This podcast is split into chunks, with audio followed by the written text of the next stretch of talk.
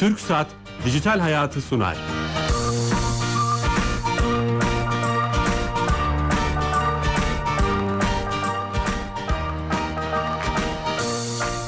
bir mikrofonlarında teknoloji, internet ve sosyal medyanın hayatımıza konuştuğumuz programımızda bugün e, stüdyolarımızda değiliz. High Tech Port, Rusya'nın düzenlediği yerli savunma sistemleri yüksek teknoloji fuarındayız. Fuarı gezdik yayın öncesinde. E, çok e, ülkemiz adına gurur verici şeyler var. E, onları konuşacağız. E, çok değerli de bir konuğum var. E, bizim aynı zamanda sponsorumuz, bizi hep destekleyen, 93 haftadır bizi destek- destekleyen TürkSat burada. TürkSat'ın standındayız ve Sayın Genel Müdürü Cenk Şen Bey ile beraberiz. Cenk Bey hoş geldiniz. Hoş bulduk. Merhaba Bilal Bey nasılsınız? E, e, teşekkür ederiz. Siz nasılsınız? Sağ olun çok teşekkür ederim. Aslında her hafta beraberiz biz. E, TürkSat'ta ve e, e, e, devlet tarafından e, bize destek veren Sami Bey her zaman bize bağlanıyor. Aslında bir, bir şekilde sizinle konuşmuş oluyoruz yani. Şahsınızla konuşmasak da kurumsal olarak. E, e, bu hafta o yüzden e, ben sorularımın içinde E-Devlet'i soracağım. Ama önce şunu merak ediyorum. Siz e, e, birkaç şapkanız var, teknik de birisiniz. TürkSat neden yerli savunma sistemleri fuarında? Evet güzel bir soru. İlk soru zor soru. Güzel bir soru oldu ama. Tabii TürkSat'ın e, aslında ulusal egemenlik haklarını korumaktan kaynaklanan hem imkan kabiliyetleri var hem de bazı görevleri var. Biz e, TürkSat olarak savunma sektörünün aslında ortasındayız. Çünkü elimizdeki uygu kabiliyetleri burada gördüğünüz ve göre, bakarken de gurur duyduğunuz birçok savunma sanayine ait e, araçların tam ortasında olan telekomünikasyon altyapısını sağlamakla e, yükümlü olarak hissediyoruz kendimizi. E, bu araçların daha doğru olarak emir komuta edilebilmesi için veya birbirleri arasındaki te- komünikasyon ihtiyacının karşılanması için ya ellerindeki olan kabiliyeti yedeklemek maksadıyla ya da ellerindeki kabiliyetin arazi şartlarından dolayı yetir- yeterli gelmediği noktalarda uydu haberleşme kabiliyetini eklemek maksadıyla elimizdeki kabiliyetleri burada sergilemek ve şu anki mevcut projelerin içerisinde kullanabilirliğini göstermek için biz buradayız. Bu yedekleme konusunu çok önemsiyorsunuz. Yayından önce de konuştuk. Bu hani dinleyicimiz açısından anlatmak istersek. Dini Evet. yedeklemek ne demek? Aslında yedeklemek Haberleşmeyi yedeklemek. mi? aslında yedeklemek demek her şeyi yedeklemek demek. Neden? Ee, şu anda günümüz teknolojileri hayatımızı sayısallaştırıyor. Evet kabul ediyoruz. Kolaylaştırıyor. Hayatımızı sayı, sayısallaştırdıkça da karşımıza bir bağımlılık ortaya çıkartıyor. Ve bu bağımlılık o sayısallaşmış süreçler olmadan hayatımızdaki ihtiyaçlarımızı karşılamamamız anlamına geliyor. İşte yedeklemek demek bu hayati fonksiyonların sekteye uğramaması için altyapının devamlı hizmet verebilir halde tutulması gerekliliğini ortaya koyuyor. Biz yedeklilik cümlesinde bunu kastediyoruz. Daha somutlaştırmak istiyorum. Örnek olarak e, herhangi bir cep telefonu ya da herhangi bir haberleşme vasıtası genellikle fiber optik kablolar üzerindeki iletişim hatları ile devam ediyor. Ama herhangi bir e, doğa olayında Allah göstermesin bir deprem anında bir sel anında buradaki tüm Zarar yapılar zarar görüyor. Dolayısıyla haberleşme iletişimi kesiliyor. İşte bu arada eğer sizin yedek bir sisteminiz varsa ki bu uydu birçok ülkede de bu uydu yedek sistem olarak kullanılabiliyor. Derhal hayata geçiriliyor ve ufacık 74 santimetre e, çapındaki bir antenle sizin dünyanın haberleşme altyapısı olan internete bağlanmanızı TürkSat'ın kendi uydusu 4B'nin kabiliyetiyle biz TürkSat olarak sağlayabiliyoruz ve yedekliyoruz her şeyi. Evet. Yani haberleşme aslında savunmanın bir parçası haline gelmiş oluyor. Aslında haberleşme savunmanın en önemli parçası. Haberi iletemediğiniz zaman emri iletemiyorsunuz. Değişen durumlara karşı da reaksiyon gösteremiyorsunuz. Dolayısıyla bir savaş anında zaten karşıdaki düşmanın ilk atak yapacağı yer sizin haberleşme altyapınızdır. Eğer siz yedekli bir haberleşme altyapısına sahipsiniz bu atakları daha kolay savuştura- savuşturabilirsiniz. Biz de bu bağlamda hayatın akışının durmaması için uydunun karasal altyapıdan bağımsızlık faaliyetini kullanarak en ince yerlerde bile kullanılmasını istiyoruz, öngörüyoruz. Bununla da ilgili kabiliyetimiz var. Artık yavaş yavaş da sahaya sürüyoruz. Süper onu soracağım. Aslında şey internetin doğuşunda da bu söylediğiniz şey var değil mi? Evet. E, 1960'larda ARPANET. Rusya Amerika'ya saldırırsa bir senaryo üzerinden Evet, ARPANET zaten askeri bir altyapı üzerinden ve tüm dünyaya yayılan ve yayınla- Sistematik yayınlanan bir şey. aslında internet, Ee, evet. Sizin aslında bu kişisel düşüncelerinizi önemsiyorum çünkü sizin bir e, askeri geçmişiniz de var. bu ö- önemli. Hani burada tam da bu şeyde sanırım sa- haberleşme tarafında uzmanlaşmışsınız. Biz tabii e, haberleşme alanında uzman bir e, altyapıdan geliyoruz. E, oradaki kazandığımız tecrübeleri, bilgi birikiminde Çok önemli. her sahada kullanmak için elimizden geleni yapıyoruz. Ben bir genelde şunu görüyorum hani çok böyle belki bir öz eleştiri olacak. Genelde kamuda e, genel müdür seviyesi de e, e, teknik insanlar hani o şirketle veya o kamu kurumuyla alakalı çok az. Siz onlardan birisiniz o anlamda ben Yani bu- çok önemsiyorum. Ee, şöyle şöyle söyleyeyim biz kamudaki her personel elindeki tüm enerjiyi ve kaynakları kullanarak vatanına milletine faydalı olmak için tüm gayretini ve enerjisini ortaya koyuyor. Biz de onlardan bir tanesiyiz. Büyüklerimizin bize gösterdiği hedeflerle sadece hizmeti daha iyi nasıl verebiliriz noktasında. İnşallah. Biz tabii TürkSat'ı işte 93 haftadır bu hafta 93. haftamız hep E-Devlet Kapısı ve işte E-Kapı'yla tanıdık daha çok. Tabii programlarımızda daha önce uydu projeniz, belgenet projeniz, e, savunma projeniz, güvenlik projesi hep bunları konuşuyorduk ama E-Devlet aslında bu programda biraz o haberleşme boyutu ve güvenlik boyutunu sizinle konuşalım isterim. Hani fuara da uygun olsun. E, e, şuraya gelecek olursak uyduları da anlattınız. Türkiye'nin hep konuşuluyor bir yerli uydu çalışması var sizin Evet. liderliğinizde. Evet. Bununla alakalı nedir son durum? Tabii biz Türk Türkiye Cumhuriyeti'nin tüm organizasyonları olarak kamu kurumları olsun, özel organizasyonlar olsun millileşme ve yerlileşme noktasında ciddi çalışmalar yapıyoruz. Ee, Biz sadece teknolojiyi her sahaya taşımakla değil, bu teknolojinin bizim tarafından tarafımızdan da üretilebilir hale gel- gelmesi için elimizden gelen gayreti gösteriyoruz. Tabii bunlar çok zaman alan süreçler ve yeterli bir altyapının ortaya konmasını gerektiren süreçler. Mühendislik süreçleri için hem eğitim anlamında hem yeterli tecrübe anlamında sabırlı olmak gerekiyor. Biz e, TürkSat olarak ilk uydumuzdan itibaren aslında her sürecin en temel parametresi olan, en temel unsuru olan insan ve mühendislik kabiliyetini geliştirmeye çalıştık. Bu bağlamda e, 3A, 4A uydularımızda, e, 2A uydularımızda yeterli personel gücünü, insan gücünü yetiştirmek için eğitimlere katıldı personellerimiz. Ve belli bir olgunluk seviyesine geldikten sonra 6A ile ilgili gerekli kaynağı yaratıldığını gördük ve ülkemizdeki birçok kıymetli üretici firmayı da bu grubun içerisine dahil ederek TÜBİTAK gibi inovasyonda Türkiye'de ciddi yeri olan bir kurumu da destek kapsamına dahil ederek milli uydu üzerine çalışmalarına başlattık. Şu an var mı gerçekten o insan kaynağımız? Tabii Uydu. şöyle söyleyeyim size. Uydunun uydunun iki bölümü var aslında. Bir tasarlanma ihtiyaçlara istinaden bir tasarlanma süreci var. Bu tasarlanma süreci sizin milli ihtiyaçlarınızın karşılanabilir, maliyet etkin olarak karşılanabilir hale getirilmesi için bir e, beyin jimnastiği gibi mühendislik süreçlerinin takip edilmesini gerektiren bir süreç. Biz şu anda özellikle burada uydunun ihtiyacı olan modelleri ortaya koyuyorsunuz. Yani bir uçuş modeli var uydunun. Bir ısıl modeli var. Yani yurt dışın yukarı uzaya çıktığı Giderken. zaman uzaya çıktıktan sonra çünkü uzaya çıktığı zaman 150-200 derece ısı farkı yaşıyor uydunun üzerindeki tüm cihazlar. İşte siz belli bir model yaratmak zorundasınız ki bu ısıl model elektronik model dediğimiz altyapıdaki modeli etkilemesin. Bunlar bu modelleri işte bizim e, TürkSat, TÜBİTAK ve diğer alt yüklenici firmalarımızla beraber Türk insan gücüyle ortaya koyuyoruz biz. Dolayısıyla bu modeller şu anda kritik dizayn seviyesindeyiz. Kritik tasarım seviyesindeyiz. Ortaya konduktan sonra milli ihtiyaçlarımızı milli çözüm yöntemleriyle karşılayabilecek bir uydu ortaya çıkacak. Bu modellerde yani modeller bir, bir basamak sonrasında alt yüklenicilerimiz tarafından üretilecek. Ve uyduya uydudaki kendi görev alanına monte edilecek.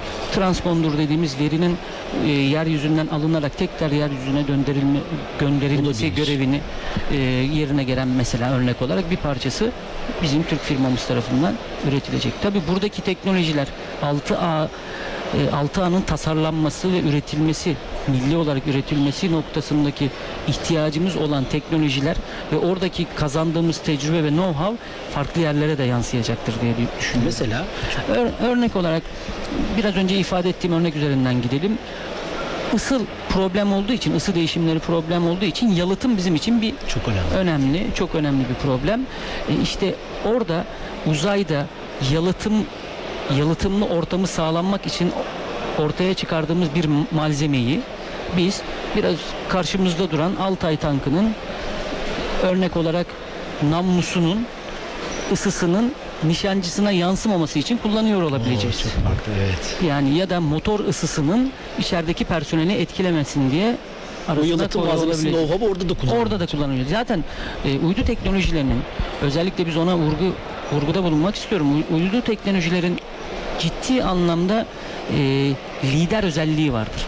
Örneğin şu anda elimizdeki cep telefonlarında kullandığımız çipler yani içerisinde milyonlarca devre elemanı bulduğumuz kapasitör ve de, e, direnç bulunan çipler uydu çalışmaları sonucunda Sonuçta ortaya bulunmuş. bulunmuş gibi örnekler çoğaltılabilir. Yani e, o- o- aslında o kadar çok bileşeni ve sahayı disipline etkiliyor ki kesinlikle. uydu çalışması. Kesinlikle. O da sizi o ekosistemi geliştirmiş oluyor belki de. Yani işte buradaki önümüzdeki haftalarda e, Gl- Global Sat Set Show'da ve buradaki bu, bu tür fuarların en büyük önemi bu.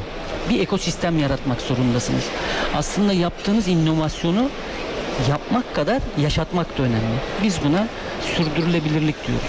Bu sürdürülebilirliği gerçekleştirebilmeniz için bir ekosistem oluşturmak zorundasınız. Yani birisinin üretmesi, birisinin tüketmesi ve bu hayatı gerçekleştirmesi gerekiyor. İşte bu tür fuarlarda elimizde olan fakat unutulmuş ya da birbirimiz tarafından farkında olmadığımız kabiliyetleri birleştirerek sinerjik paket çözümlere doğru fırsatlar yaratıyoruz. Yani biz TürkSat olarak burada iki sebeple bulunuyoruz. Bir elimizdeki biraz önce ifade ettiğimiz milli haberleşme kabiliyetini uygulanabilir alanlarda kullanabiliyor olmak.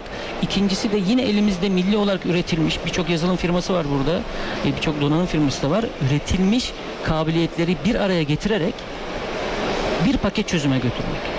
Böylece dışa bağımlılığımızın daha fazla azalacağını düşünüyoruz biz. Haberleşmenin yanında TürkSat'ın güvenlik üzerine de çok çalışması var. Evet. Yani belki savunmanın en önemli unsurlarından belki de güvenlik, değil mi? Siber güvenlik özellikle. Bu konuda ne, ne dersiniz? Şimdi beşinci boyut olarak siber güvenlik. Bundan önce savunma dört boyuttaydı. Uzay eklenmişti. Şimdi beşinci boyut olarak Diğer üçü ne? Kara, hava, deniz, Kara hava deniz. uzay ve en sonunda siber güvenlik beşinci boyut. Bu tabi stratejik olarak yaklaşımlarda kabul edilmiş bir e, konsepttir. Siber güvenlik ma- harcamalarına baktığınız zaman şu anda birçok harcamanın önüne geçmiş durumda. Çünkü biraz önce ilk başta söylediğim hayatı sayısallaştırırken bağımlılık oluşturuyorsunuz. Dolayısıyla sayısallaştırmayı, veri akışını durduğunuz anda da hayat duruyor. Durur. İşte bu prensipten yola çıkarak kötü niyetli insanlar bu siber güvenlik olayını gündeme getirdiler. Biz kanunla yüklem bize tevdi edilmiş görevlerden bir tanesi de sayısal e-dönüşümü sağlamak. E-dönüşümü sağlarken de aslında biz farkındalığı yaratmaya çalışıyoruz. Siber güvenlik noktasındaki birçok çalışmamız var ama bence siber güvenliğin en ortasındaki birçok arkadaşımız için de belki de e, bir sürpriz olarak düşünüyorum ben bunu. Aslında elektronik belge yönetim sistemi bizim siber güvenliğe yönelik en önemli çalışmalarımızdan biri olarak değerlendiriyorum. Neden? Yani bu bu bir virüs koruma programı değil, bu bir e, firewall yani güvenlik duvarı değil ne alakası var gibi sorular gelebilir ama ben şöyle değerlendiriyorum. Elinizdeki tüm imkan kabiliyeti, teknik imkan kabiliyeti kullanarak veriyi işliyorsunuz. Veriyi işledik, işledikten sonra bir sonuç ortaya koyuyorsunuz ve karar vericinin önüne bu sonucu sunmak istiyorsunuz. İşte bu noktada bunu biz özellikle kamuda döküman olarak değerlendiriyoruz. Yani bir resmi yazıya döküyorsunuz bunu. Evet. İşte bu resmi yazıyı kimden kaynak kodunun kimden geldiği belli olmayan bir yazılım vasıtasıyla gönderiyorsanız işte siber güvenlik açığı ortaya çıkmış oluyor. Ama biz tamamen TürkSat mühendisleri tarafından geliştirilmiş elektronik belge yönetim sistemiyle işte buradaki açık olarak değerlendirdiğimiz aralığı da kapatmaya çalışıyoruz. Ve biz bunu yani harmanlanmış, işlenmiş hap veriyi, dokümantasyon üzerindeki veriyi bizim kendi süre içerisinde tanımlayabildiğimiz süreçlerdeki yazılım içerisinde hedefe ulaştırdığımız zaman biliyoruz ki bu yazılım herhangi bir yere bir veriyi kopyalamadı. Bizim kontrolümüz altında kullanıcıdan ilk yaratı yaratan kullanıcıdan kullanacak son kullanıcıya güvenli bir şekilde gitti. İkinci güvenlik çalışmamız da bizim aslında e-devlet kapısı. Evet onu da soracaktım. İkinci güvenli e, çünkü şu anda e-devlet kapısının şöyle bir özelliği var. E, arkadaşlar her gün her gün sorsanız her gün e-devlet kapısında bir değişiklik var. E, ben Çok çok değişim var evet tabii gerçekten. Bu güzel bir şey, gelişim var. Bu hizmetin arttığını Artıyor, gösteriyor. evet.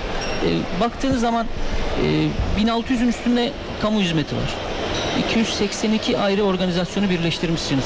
Hatta bunların içerisinde karşılıklı, karşılıklı çalışabilirlik de var. Yani bir aslında hizmeti eskiden kamu bir farklı bir kamu organizasyonun sunduğu hizmeti size veriyor. Vermesi ihtiyacı olduğu zaman diyordu ki vatandaşımıza git oradan bir belge al gel. Artık e-devlet şunu sağladı. Vatandaşa söylemeden kamu otomatik olarak makineden makineye konuşumlarla machine to machine communication yüzüne makineden makineye konuşmalarla gidip veriyi alıyor geliyor ve bir daha vatandaşımızı yormuyor. Mesela bir kuruma diploma lazımsa Gibi. siz o diplomayı o kurumdan alıp gibi sorgulayabiliyorsunuz. Ya da sabıka kaydı ihtiyacınız varsa gidip sabıka kaydınızı gitmeniz hemen en yakın yerden çıkartıp götürebiliyorsunuz. Şimdi bizim oluşmuş bir e, siber güvenlik ihtisasımız var. Kurumların da kendine ait oluşmuş bir siber güvenlik ihtisası ve bir siber güvenlik koruma çemberi var. Biz bu ihtisası bizim arkamızda olan 282 kuruma bir noktadan sunuyoruz. Nasıl? Kullanıcı gidip onun web sitesine girip onun web sitesindeki açıklardan yararlanarak onun verisine ulaşma gayreti gösteremiyor. Bizim web sitemize geliyor. Bizim web sitemizdeki güvenlik tedbirleri ve güvenlik uygulamalarını kullanarak arkadaki web sitesini görmeden verisine ulaşıyor. Güvenli ortamda, güvenli bir platformda hizmetini alıyor ve güvenli bir şekilde de e, gözü arkada kalmadan ihtiyacını karşılıyor. İşte bir noktadan güvenli bir şekilde verinin sunulması siber güvenliğin en önemli unsurlarından biri olarak değerlendirilir. Burada o zaman şöyle bir yanlış anlaşılma var. Onu düzeltebiliriz. Bizim 30 milyon kullanıcı e-kapıyı kullanıyor. 30 milyon kullanıcının bilgileri e-devlet kapısında TürkSat'ta değil o zaman. Yok biz Değil mi? E, Evet. Olması gereken kurumlar. olması gereken kurumlarda kişisel verinin korunması noktasında biz çok ciddi anlamda hassasiyet gösteriyoruz. Kişisel verinin korunması bizim için çok önemli. Her verinin sahipliği dediğimiz bir kavram var. Yani veriyi yaratan değiştirebilir. Veriyi yaratan kimin erişebileceğine karar verir. Veriyi yaratan sunumunu yapar. Bu net mühendislik mi uygulamasıdır zaten. Ee, veri Duvara yazılacak bir kural oldu gibi. Dolayısıyla biz o verinin nasıl ne şekilde ya da en güvenli hangi yöntemle sunulması gerektiğinin hizmetini sunuyoruz. Evet yani hani şey o, zaman hep konuşulan acaba Türk e, devlet kapısı Türkiye Gov.tr'deki e, bilgilerimiz güvenli mi korunuyor mu sorularında cevabı olmuş aslında olmuş oldu bu bu anlamda. E, haberleşme güvenliği konuştuk ve bu fuarda neden olmanız e, olduğunuzu neler yaptığınızı öğrenmiş olduk. Çok ilginç bir şey e, söylediniz. E, yayından önce konuşurken ben onu e, dinleyicilerimize paylaşmak istiyorum. Buradan da hatırlatmak istiyorum tekrar. High Tech Port Yüksek Teknoloji Fuarı, Yerli Savunma Sistemleri Fuarı'ndayız. TÜKSAT Genel Müdürü Cenk Şen Bey ile e, dijital hayatta konuşuyoruz. Bilişim sektörü tıpın ulaştığı branşlaşma aşamasına ulaştı dediniz. Evet. Şeyden böyle hani siz böyle hem dünyayı da takip eden işiniz gereği hem de teknik biri olduğunuz için çok daha iyi gözlemliyorsunuz. Bu sözünüz çok önemli. Biraz hani E, evet. ne yani, demek bu? e, hakikaten öyle aslında. E, zaman geçtikçe de ihtisaslaşma önem kazanıyor. İhtisasla, şu yüzden önem kazanıyor. Daha hızlanıyoruz. Makineler daha hızlı oluyor. Makinelerin veriyi işleme kapasitesi daha da büyüyor. Makineler birbiriyle daha fazla interaktif çalışmak zorunda kalıyor. Dolayısıyla aynı bir insan vücudunun fonksiyonlarını yerine getirir hale geliyor. Biz önceden e, ne iş yapıyorsun? Bilgisayar mühendisi. Bilgisayar mühendisi bir işti. Şimdi ama iş ihtisaslaşmaya başladı. Şimdi nasıl e, devletimizin sunduğu imkanlar çerçevesinde e, kulağınız ağrıdığı zaman kulak burun boğaz doktoruna gidiyorsunuz. Bizde de bilgisayarda da artık katmanlaştı ve ihtisaslaştı her şey. Veri tabanı, veri modelini yapan farklı bir mühendislik, uzmanlaşma oldu. Siber güvenlik önce bir uzmanlaşma oldu ama şimdi siber güvenliğin farklı alanları oldu. Siber güvenliğin e, her katmanına ayrı bir uzman gerektirir hale geldi. Çünkü sizin kullandığınız teçhi- makineler, donanım o kadar e, her noktaya erişebilir oldu ki insan öğrenme kapasitesini aşabilecek noktalara geldi. Yani siz bir güvenlik duvarının artık bir uzmanını istiyorsunuz. Çünkü güvenlik duvarının yerine getirdiği fonksiyonlar o kadar arttı ki o kadar çok trafiği kontrol ediyor ki o kadar çok fazla kural yazmak zorundasınız ki buna destek olarak e, yapay zeka uygulamaları da geldi ama bu yapay zeka uygulamalarını getiren de ayrı bir ihtisaslaşma. Yapay zeka ihtisası diye bir şey çıktı. Tabii, tabii. Dolayısıyla IT'de bilgi, bilgi teknolojilerinde ihtisaslaşma bu anlamda yakında tıbbı da geçecek diye düşünüyorum. Öyle görünüyor.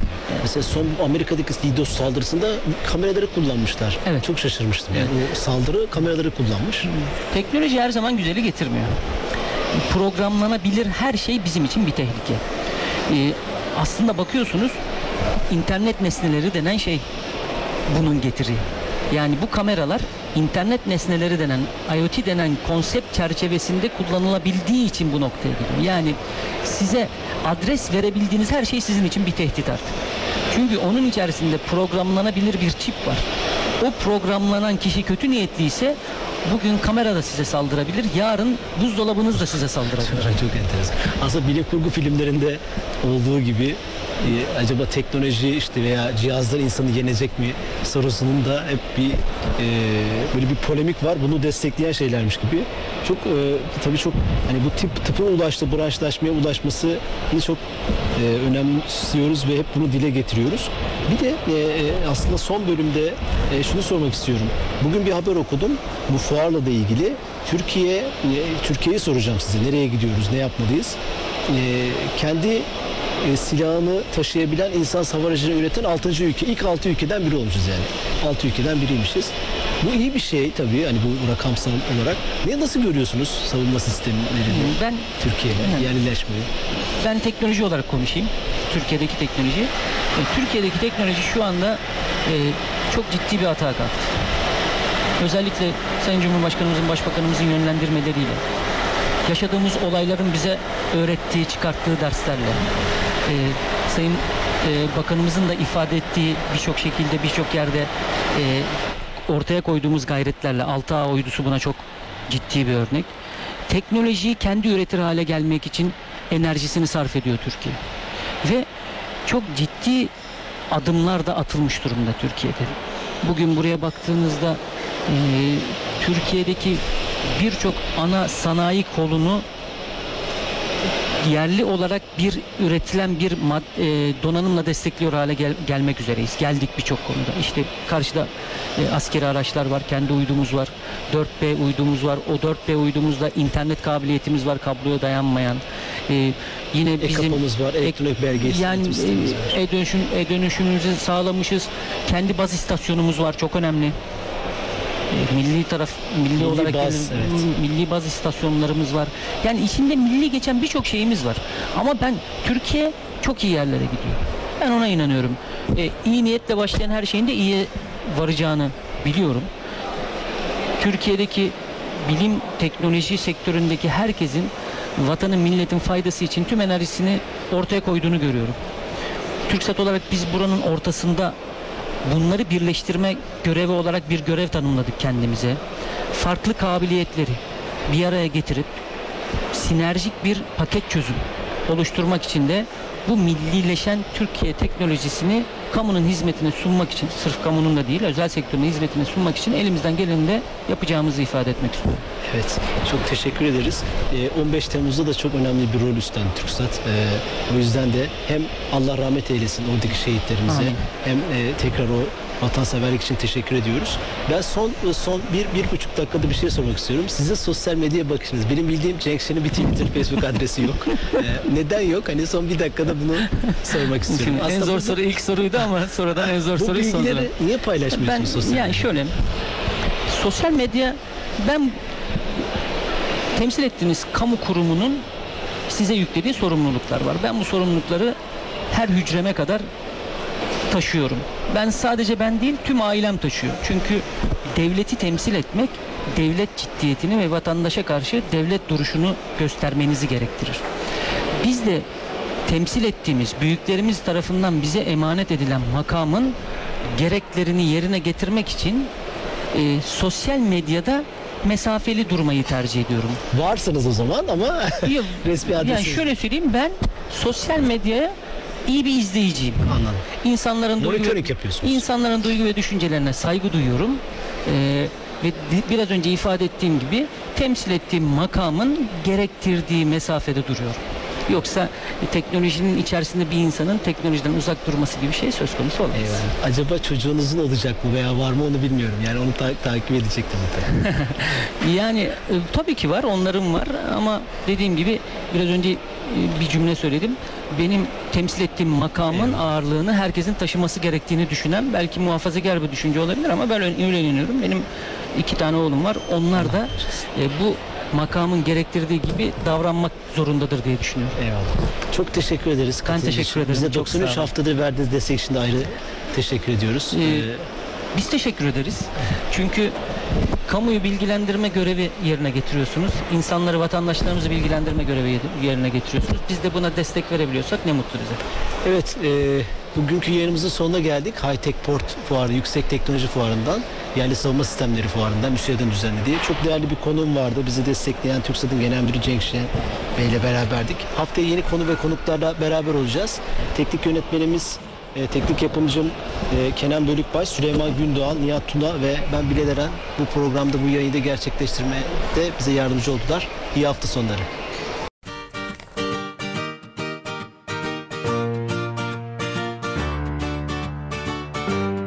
TürkSat Dijital Hayatı sundu.